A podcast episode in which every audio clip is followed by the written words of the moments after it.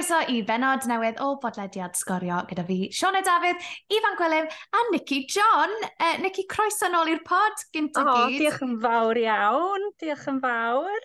Mae rai wedi ti wedi cael toriad llawn heiddiannol ar ôl gorfod delio gyda Ifan bob dydd yn ystod cwpan y byd. Oi! O'n i'n grindo ar y ddoi o chi bob dydd pan o'n i yn Qatar, o'n i ar y metro a oh. ddoi o chi yr englistiau. Ond ie, yeah, Nicky, ti'n oce? Okay? Siwm o bobeth? ti'n gwybod be, i fod yn deg ar ifan, dwi'n meddwl na fod i'r un sy'n heiddi medal ac yn heiddi chydig bach o lynyddwch am roi fyny efo fi bob dydd i fod yn hollol deg iddo fo. Wel, wythnos yma, i ni wedi bod yn edrych nôl ar benwthnos cyffroes iawn, penwthnos cynta ail rhan y tymor yn uwch gyngrair Cymru, sy'n gynt o gyd yn bonkers, mae hwnna wedi dod rownd lot, lot rhy gloi. Ni hefyd yn mynd i fod yn talu teinged i Mr Joe Allen sydd wedi ymddeol o bel drod rhyngwladol. A ni'n mynd i fod yn gofyn ble yn y byd mae Nicky wedi bod pen wythnos yma. Ond yn gyda, Ifan, draw at y ti gyda'r penawdau. Sioc y tymor ar gampws King Coed wrth i'r seintiau newydd golli am y tro cyntaf yn y gyngred o dair gol i ddwy yn erbyn Met Cyrdydd. Gêm gyfartal i Geicona yn golygu bod y ras am yr ail safle yn parhau i fod yn un tin. Ar ochr arall y tabl, hat-trick i Ben Amon yn erbyn Ebus yn codi pont y pryd allan o safleoedd y cwimp uwch Ben Aberystwyth nath golli o 5 gol i ddim yn erbyn y Flint. Reit y boys, newn ni ddechrau ar gampus King Coed. Hwna oedd y hmm. gêm fyw oedd ar sgorio penwthnos yma. Met Cyrdydd yn mynd i'r seintiau newydd o dair gol i ddwy Ifan a'i ddod ato ti, o ti'n gohebu ar y gêm, oedd neb yn disgwyl... Well, Sa'n gwybod os mae gweud oedd neb yn disgwyl yn amharchus tuag at Met, Met Cyrdydd, ond pan i ti'n meddwl, y Saint ti newydd heb golli gêm tymor yma, pan ti'n meddwl, tro diwetha oedd y ddoi dîm wedi cwrdd ar gampus cyn coed Met Cyrdydd yn colli o saith gol i ddim yn erbyn y seintiau, ond Eves, beth oedd tu ôl y fuddugoliaeth yn credu? Achos eithon nhw, o'n nhw'n colli o ddwy gol i ddim ar ôl 11 munud agoriadol y gêm, a fi'n cofio ni gyd yn meddwl, o, oh, coni off. Mae hwn yn dilyn patrwm tebyg iawn i be ni wedi gweld yn y gorffennol, ond Ifan, they pulled it off the bag. Ie, yeah, dy ddim yn unrhyw adlywyrchiad ar y met bod ni'n mor sioct bod nhw wedi ennill, achos mae fe jyst i neud gyda pa mor dda mor seintiau wedi bod. A ni yn hmm. disgwyl falle, twyd, oedd e wastad mynd i ddigwydd rhywbryd, mae, mae pob rhediad yn dod i ben, um, ond fel y ti'n gweud, nhw curo saith gol i ddim treth nhw'n cyncoed, a ar ôl nhw fynd lan dwy gol i ddim, o ti'n meddwl, wel ddim heddi'r diwrnod mae'r rhediad yna'n dod i ben. Beth mae Christian Edwards sy'n newydd yn ôl mewn yn gweud cyn y gêm a be mae fe'n aml yn gweud yw siarad yn biti pa mor galed mae Met yn gweithio a pa mor onest yn nhw. Um, digwydd bod dyna oedd geiriau Craig Harrison cyn y gêm hefyd. oedd y ddau yn wedi iwsio'r un buzzword. Um, ond mae rhaid bod oedd bod Met wedi bod yn bach fwy weithgar, bach fwy onest a, a just dyfod barhau ar ôl nhw fynd nôl. Dim, mi gedodd yr ail gol y seintiau bod nhw'n bach wedi panico ar ôl y gol gyntaf, ond wedyn ni nath nhw mm. setlo lawr, 10 munud bach lle nath nhw consolidato.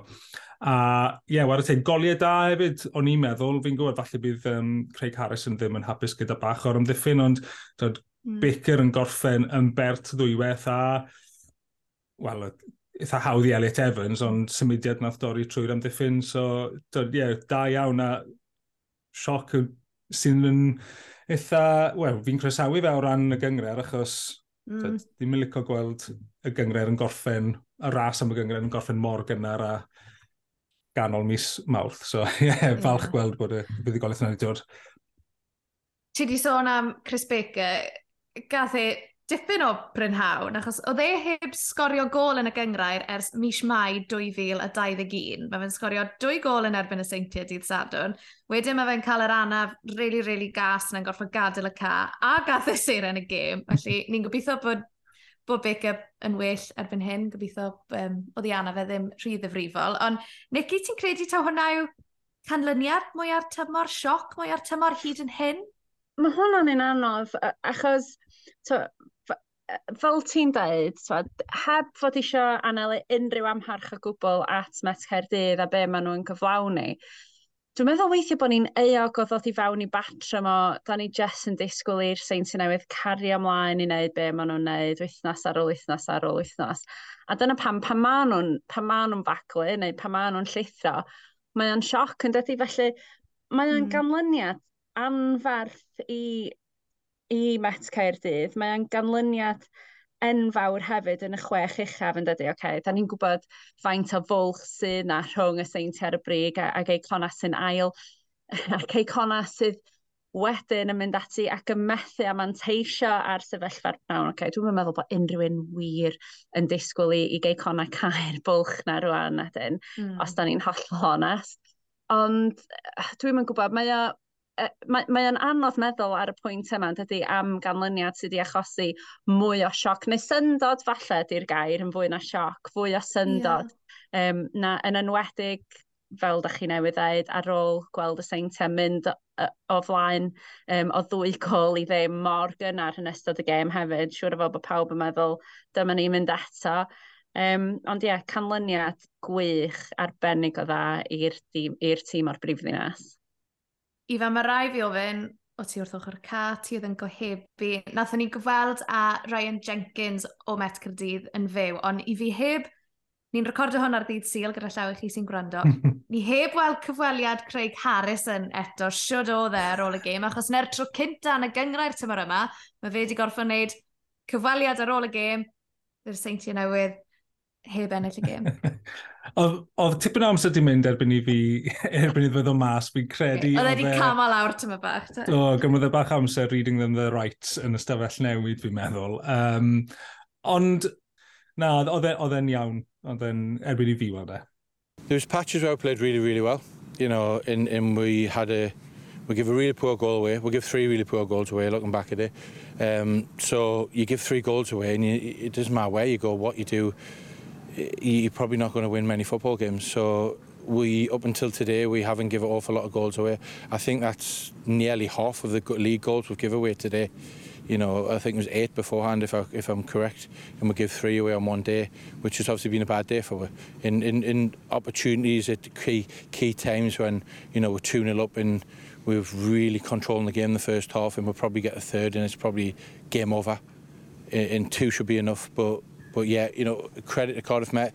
They stuck in there, they worked hard, you know, and, and they took advantage of, of some of our poor play. Mae'r tri ohono ni wedi cael y profiad o, o, o'i gyfweld o um, ar ôl colli rwan felly. A ie, yeah, di, di ddim wastad yr un mor hawdd i siarad efo fo ar ôl colli gem na di. Oedd y tybe, oedd yr un mor hawdd siarad efo disadwn diwetha a beth oedd e dwi'n sadwn cynt yn Cwmbran Celtydd ar ôl nhw ennill. Na'n gyd wedi. O, wel, wel mae hynny'n deud lot, yn dweud. Canlyniadau eraill y penwthnos wedyn ni yn y chwech uchaf. Bala pen y bont, nath honna orffen yn ddi sgôr, a wedyn dre newydd Ceicona, nath honna, orf, nath honna orffen yn un yr un. A'r boes mae'r ras yma i gyrraedd Ewrop. Os ydyn ni'n anghofio am y seintiau sydd ar y brig, 15 pwynt yn glir, ond wedyn ni, mae ydych chi Cey yn ail ar 45, Met Cyrdydd yn drydydd ar 44, Pen y Bont yn bedwerydd ar 42, wedyn ni y Balan Bimed ar 41, y dre newydd Chweched ar 34 o bwyntiau. Nicky, fi'n gwybod, twyd, mae dal spel i fynd tan ddiwedd y tymor, ond pwy ti'n credu sydd am fynd â hi yn y ras yna? Yn enwedig am yr ail safle yna, achos ar hyn, ar hyn o bryd mae unrhyw beth yn bosib. Ydy, mae'n mae eithriadol ydyn, a dwi'n meddwl beth sy'n ddifur ar hyn o bryd ydy, os nawn ni just edrych ar yr ail safle yna'n benodol ac eicona nis yna ar hyn o bryd wedi methu hmm. a manteisio ddoe um, mm. ar cymryd tri phwynt yn erbyn y drenewydd oedden nhw ar ei holi, felly fydden nhw'n diolch byth am Mike Wild yn dod i fewn mor hwyr ar ddiwedd y gêm, edrychwch ar lle maen nhw yn feddyliol ar hyn o bryd. Okay? Dwi'n meddwl bod fi'n dweud y gwir pan dwi'n dweud ar ddydd San Steffan nath nhw ennill gêm gyngrair e, diwetha. Dwi'n meddwl bod fi'n gywir i ddeud hynny. Okay? Felly, dwi'n gwybod o'n i wedi cael gemau Cwpan Cymru ac yn y blaen yn ystod e, y cyfnod yma hefyd a mae yna um, ma golled yn gêm rownd derfynol um, cwpan y gyngrair hefyd yn does. Ond yn feddyliol, os ydyn nhw rwan yn mynd mor bell yn ôl a hynny ers i buddigoliaeth diwetha nhw yn y gyngrair, a mae Met Caerdydd yn brathu ar ei sodla nhw, um, ac newydd gyda'r pencampwyr ar ôl bod ar ei holi o ddwy gol i ddim. Yna yn feddyliol, dwi'n meddwl bod Met Caerdydd mewn gryfach sefyllfa ar hyn o bryd na ma Cei Cona. Um, gan gofio hefyd, dwi'n meddwl bod mae'r ma, ma ystadego o ran twad, y nifer o gemau mae Met rwan wedi ennill. Dwi'n meddwl bod nhw ddeg gem heb golli, dwi'n meddwl, 8 buddigoliaeth a 2 gem gyfartal. Felly, dwi'n gwybod, da ni'n sôn o hyd am bwysigrwydd, cymelliant a cadw'r momentum mae fynd yn ystod gem a peldroed. Wel, os na gem seicolegol ydy hi ar mm. hyn o bryd, yna fysa'n well gyna i fod yn aelod yn eista yn stafell newid um, Met Caerdydd, dwi'n meddwl na be fysau yn eista yn stafell newid Cei Connor. Byddwn ni'n cytuno dyna, a mae hwnna hefyd, ti'n edrych ar y gym ys ar ôl, Ond Met Cadydd wedi cael seintiau allan o ffordd unwaith, wedi curo nhw, mae Cai Conan goffo wneud well, trip i nedd y parc a, a, a croesawu y seintiau. Mae nhw'n ddwy gêm i gael fyna. Mm. Fi'n credu, o dan hynna a'r momentum fel y Nick yn gweud, nes i'n really clicio bod e mor hir ers nhw ennill, achos bod gyda nhw'r gemau cwpa yna yn, yn y hanner ffordd. Mm, yeah. Mae hwnna definitely advantage met, fi'n meddwl. A, a hefyd, twa, gan, gan gofio, mond, mond dau bwynt wedyn sydd rhwng pen y bont a met Caerdydd, da ni'n uh, bala ar 41 o bwyntiau, mae'n cymryd un gêm yn dydy, un gêm mm. lle wyt ti unau yn baclu neu yn dod o'n a hefo'r triphwynt. Dwi'n meddwl fyddwn ni gyd yn siomedig, e, hynny ydi bala pen y bont Drenewydd ac Eicona, o fod wethu man, methu manteisio ar fwy na jyst pwynt yr un pen wythnos yma. A mae rai wedi, nos Wener, y penafont am Esgyrdydd yn wario ei gilydd. Fi'n gytid, fi ar y wyliau pen yma, achos byddwn ni wedi dwlu mynd i allu weld y gêm na. Hac dy gwylydd! o pan ti'n meddwl am gêm enfawr yn y gyngrad, ti'n teimlo fel penafont Met Cyrdydd ar nos Wener. Gallai honna fod yn danllid. Reit, newn ni sôn am y chwech isa nes mlaen yn y pod, achos mae'n ffocws ni, mae'n gêm fyw ni ar sgorio, yn mynd i fod yn canolbwyntio ar y chwech isa penwthnos yma, ond Nicky, un o'n hoff gemau ni yn sgorio HQ yw dyfalu ble mae Nicky John wedi bod dros y penwthnos. Ddim yn meddwl byddwn ni byth di cael hwn yn iawn, achos Nicky, gwed wrthyn ni ble o ti penwthnos yn?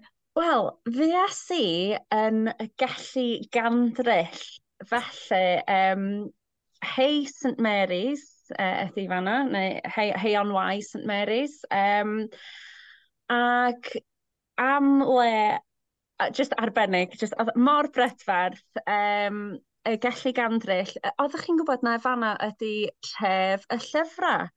Mae mm -hmm. ma mm-hmm. yna dros ugain o siopau lyfrau yna, um, a wedyn yn anffodus ges i ddim digon amser i fynd i brynu llyfrau ac i ddarllen unrhyw beth tra o'n i yno. Ond oedd e jyst yn gyfle i ymweld ag ardal, dwi'n meddwl, da ni, da ni ddim di bod iddo fo. Um, a tregaron oedd yr ymwelwyr, Um, y ddau dîm yn chwarae yn y pedwaredd haen ar hyn o bryd ac yn gobeithio pwysio am ddyrchafiad ar ddiwedd y tymor i'r drededd haen. Yn gallu gandryll ar y frig, a brig i tabl nhw ar hyn o bryd. Um, a petai Tregaron yn ennill yr holl, mae gen nhw, mae gen nhw lwythi o gema wrth gefn, oherwydd maen nhw wedi methu chwarae um, chunk o'i gema nhw ar ddechrau'r tymor gartra, ar ôl y steddfod, mae yna gymaint o, o lanast ar ei cael nhw. O oh, so, na! Mae'n edrych, wel, ysteddfod a wedyn ambell i beth arall, efo, well, tywydd ddim yn helpu fel yn so, sawl cae ledled Cymru. Um, gwahanol bethau fel hyn. So mae gen nhw llwyth o gemau wrth gefn i chwarae. Maen nhw'n mynd i fod efo rhywbeth fel pedair gem nolynol gartre yn ystod mis mawrth rwan. Um, ond ie, yeah, tawn nhw yn gallu ennill y gemau yna, fysa nhw hefyd yn, yn gwthio am ddyrchafiad hefyd.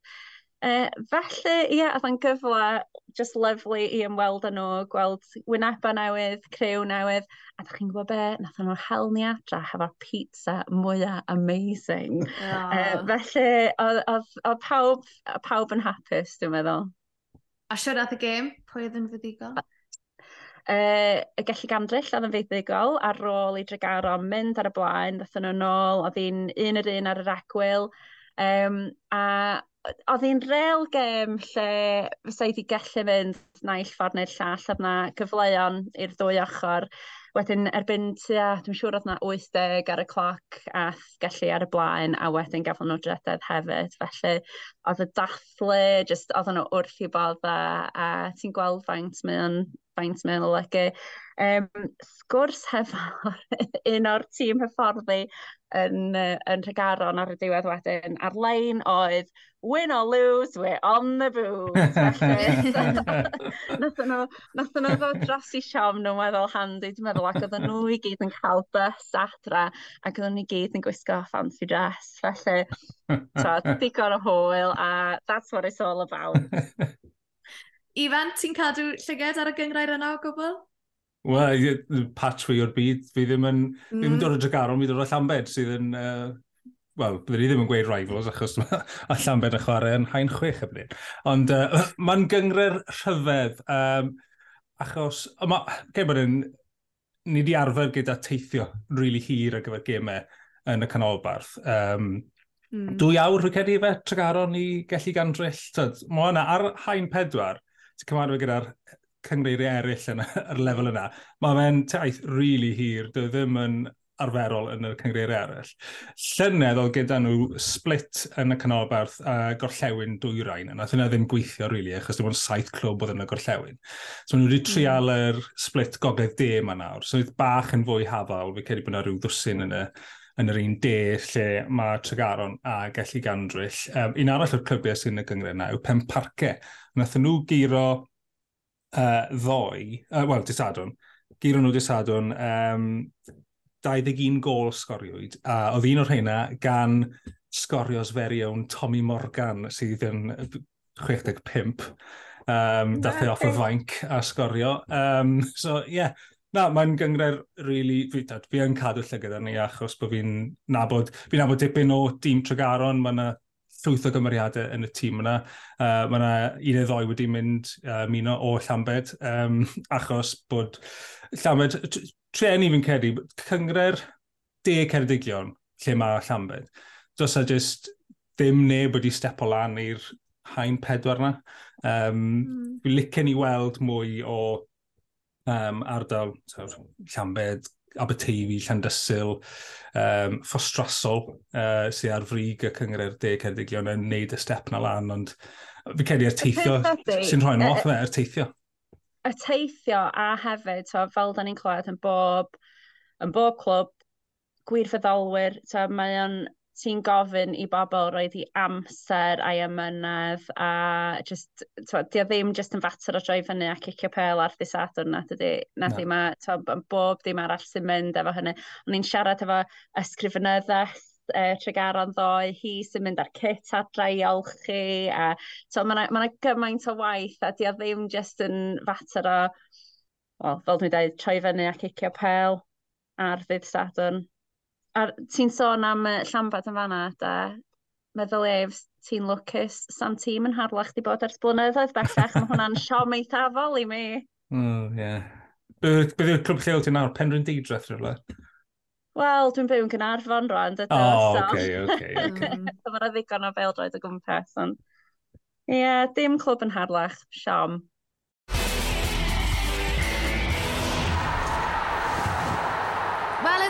Unwaith ar ôl i ni recordo'r pod wythnos diwetha, nath Joe Allen gyhoeddi bod e'n ymddeol o'r tîm rhyngwladol, felly i ni heb gael y cyfle i ymateb i'r newyddion ar y pod eto. Heb os, mae Joe yn mynd i fod yn golled enfawr i garfan Cymru o nawr ymlaen. Pan nath Bale ymddeol, sa'n... Yn amlwg mae Bale yn mynd i fod yn golled enfawr, ond fi'n credu oedd pawb yn hanner disgwyl i'r newyddion yn y gyrraedd. Yn bersonol, Mas o Bale, Ramsey a Joe Allen, Joe Allen oedd yr un olaf o'n i'n disgwyl wneud unrhyw fath o gyhoeddiad bod e'n ymddeol. A ie, yeah, fi dal yn really drist. Fi'n credu, Mae'n brifo. fel, Fi'n teimlo fel bod fi'n mynd trwy break-up. Fi'n teimlo... Mae'n mynd teimlo bach fel la. Ond be bynnag, mae Dylan Ebenezer a Gwennan Harris oedd yn y blwch sylwebu yng Nghyncoed dros y penwthnos. Mae'r ddoi o nhw yn super fans o Joe Allen, a dyma beth oedd gyda'r ddoi o nhw i weid am y seren yn ystod hanner amser y gêm dydd sadwr. O, oh, mae rhaid i sôn amdano fe, Gwennan. Ys di textio yn syth bron, just newyddion yn amlwg yn siomedig, o faint o ergyd fydd hi i Gymru? o enfawr. Mae'n mae mor anodd i gliro pa mor mawr mae'r ma ergyd yna'n mynd i fod. Fi credu mae pawb yn teimlo'r un beth, mae fe'n hanfodol i dîm Gymru a wedi bod am flynyddoedd. Anodd gwybod ble ni'n mynd o fan hyn, ond on, jyst mor ddiolchgar i popeth mae fe wedi wneud. Mae fe'n wneud gymaint, wedi wneud gymaint o waith sydd ddim yn cael y sylw uh, bod yn heiddi. Pawb yng Nghymru yn, yn gwybod pa mor bwysig yw e, ond tu allan i hwnna, mae fe ddim wedi cael unrhyw le yn agos i sylw yn heiddi. Wel, rhaid i symud mlaen. Dyna sy'n digwydd ym Hill Drod. Felly, dwi'n cael eiliadau cyn y gemau nesaf yma o anobaith, o wedyn ni Fi'n teimlo'n hyderus eto, cofio Ampadwng o pan y byd, mae Ben Davies dal yna, mae Ramsey dal yno am nawr croesi meddwl. Brennan Johnson yn chwarae'n wych, ti'n le ti arni o ran ble mae Cymru ar hyn o bryd? Wel, yn amlwg, ni wedi colli ser dais y seren enfawr, ond on, on mae yna dal fel ti'n enwi fyna pobl fel Brennan Johnson, Dwi'n really camu lan, actually. Uh, a mae'r profiad o chwarae yn yr uwch gyngrair yn mynd i bod yn hanfodol iddo fe nawr wrth, wrth y fe camu mewn. Just gobeithio bod dim gormod o pwysau yn cael ei roi ar ei sgwyddo fe, fel bod fe yw'r Gareth Bale nesa. Does dim Gareth Bale nesa. mae rhaid ni, does dim Joe Allen nesa. Beth sydd angen arni, fel y ti'n gweud wrth fi off cam a cwbl o munud oed nôl, yw egni nawr, achos falle dim gyda ni gymaint o match winners. Beth oedd ddim yn angopan y byd? Yn sicr, ie. Yeah. Um, beth oedd bend ar, ar, ar goll yn wedig yng, yng nghanol cae.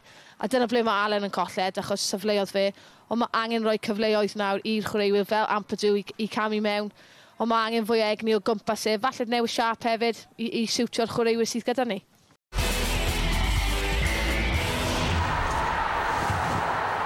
O pen wythnos yma, mae'n ffocws ni ar sgorio yn mynd i droi at y chwech isaf a'r frwydr i aros yn yr uwch gyngrair, achos ni wedi sôn yn gynharach bod y frwydr i gyrraedd Ewrop yn mynd i fod yn dyn Ond mae'r chwech isaf, oes bach, fi'n teimlo fel bod hwnna wedi fod hyd yn oed yn fwy gystadleuol. Dydd Sadwn ein gêm fewn ni yw Aberystwyth yn erbyn Pont y Pontypridd. Nicky, be wneud i tyd o sefyllfa yn y chwech isaf ar hyn o bryd? Achos fi'n cofio tymor diwetha o dy ti Aberystwyth, ail rhan y tymor athyn nhw ar y rhediad arbennig me, twyd, ffindo ei hunain mas o drwbl, ond pan ti'n edrych, twyd, Cynarfon yn seithfed ar 28 o bwyntiau, wedyn ni Hwlffordd ar 27, Flint ar 27, byddwn ni Pont y Pryd ar 23, Aberystwyth ar 22 o bwyntiau. I ti'n gweld rhywun yn rhoi rhediad tebyg at ei gilydd yn cael un yn mas o drwbl? Ti'n gwybod be? Mae'n rhaid iddo fo ddigwydd yn os ydyn yn does, a mm. dwi hmm. jyst yn meddwl mae'r ma pwysa sydd yn mynd i fod ar Bontypridd ac ar Aberystwyth penwythnos nesaf yn anferth. A o ran seicoleg y gêm, mae hynny'n cychwyn rwan, mae hwnna wedi cychwyn yn barod, so mae'n rhaid iddyn nhw mm. gael eu hunan, Mae, mae, rhaid, mae Aberystwyth o fod yn dod i fewn i'r gêm a wedi ildio pimp, so mae hwnna'n ergyd anferth, a wedyn ar y llaw arall mae gen ti bont y pryd sy'n newid llwyddo i sgorio pedair yn erbyn e-bus. Mm. Um, Dwi'n dwi meddwl, Fetter Aberystwyth ddim fforddio colli hon. Fedon nhw ddim.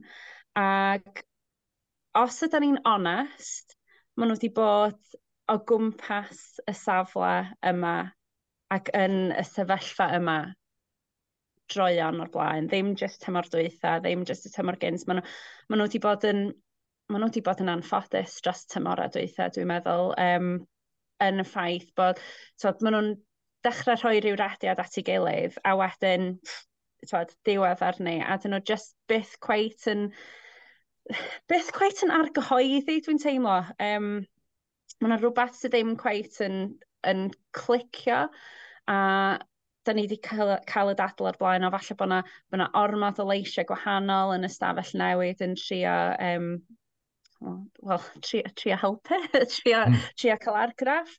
Um, fel ti'n dweud, ar hyn o bryd, o fod wedi ildio pimp ddoe, mae hwnna'n ergyd drom.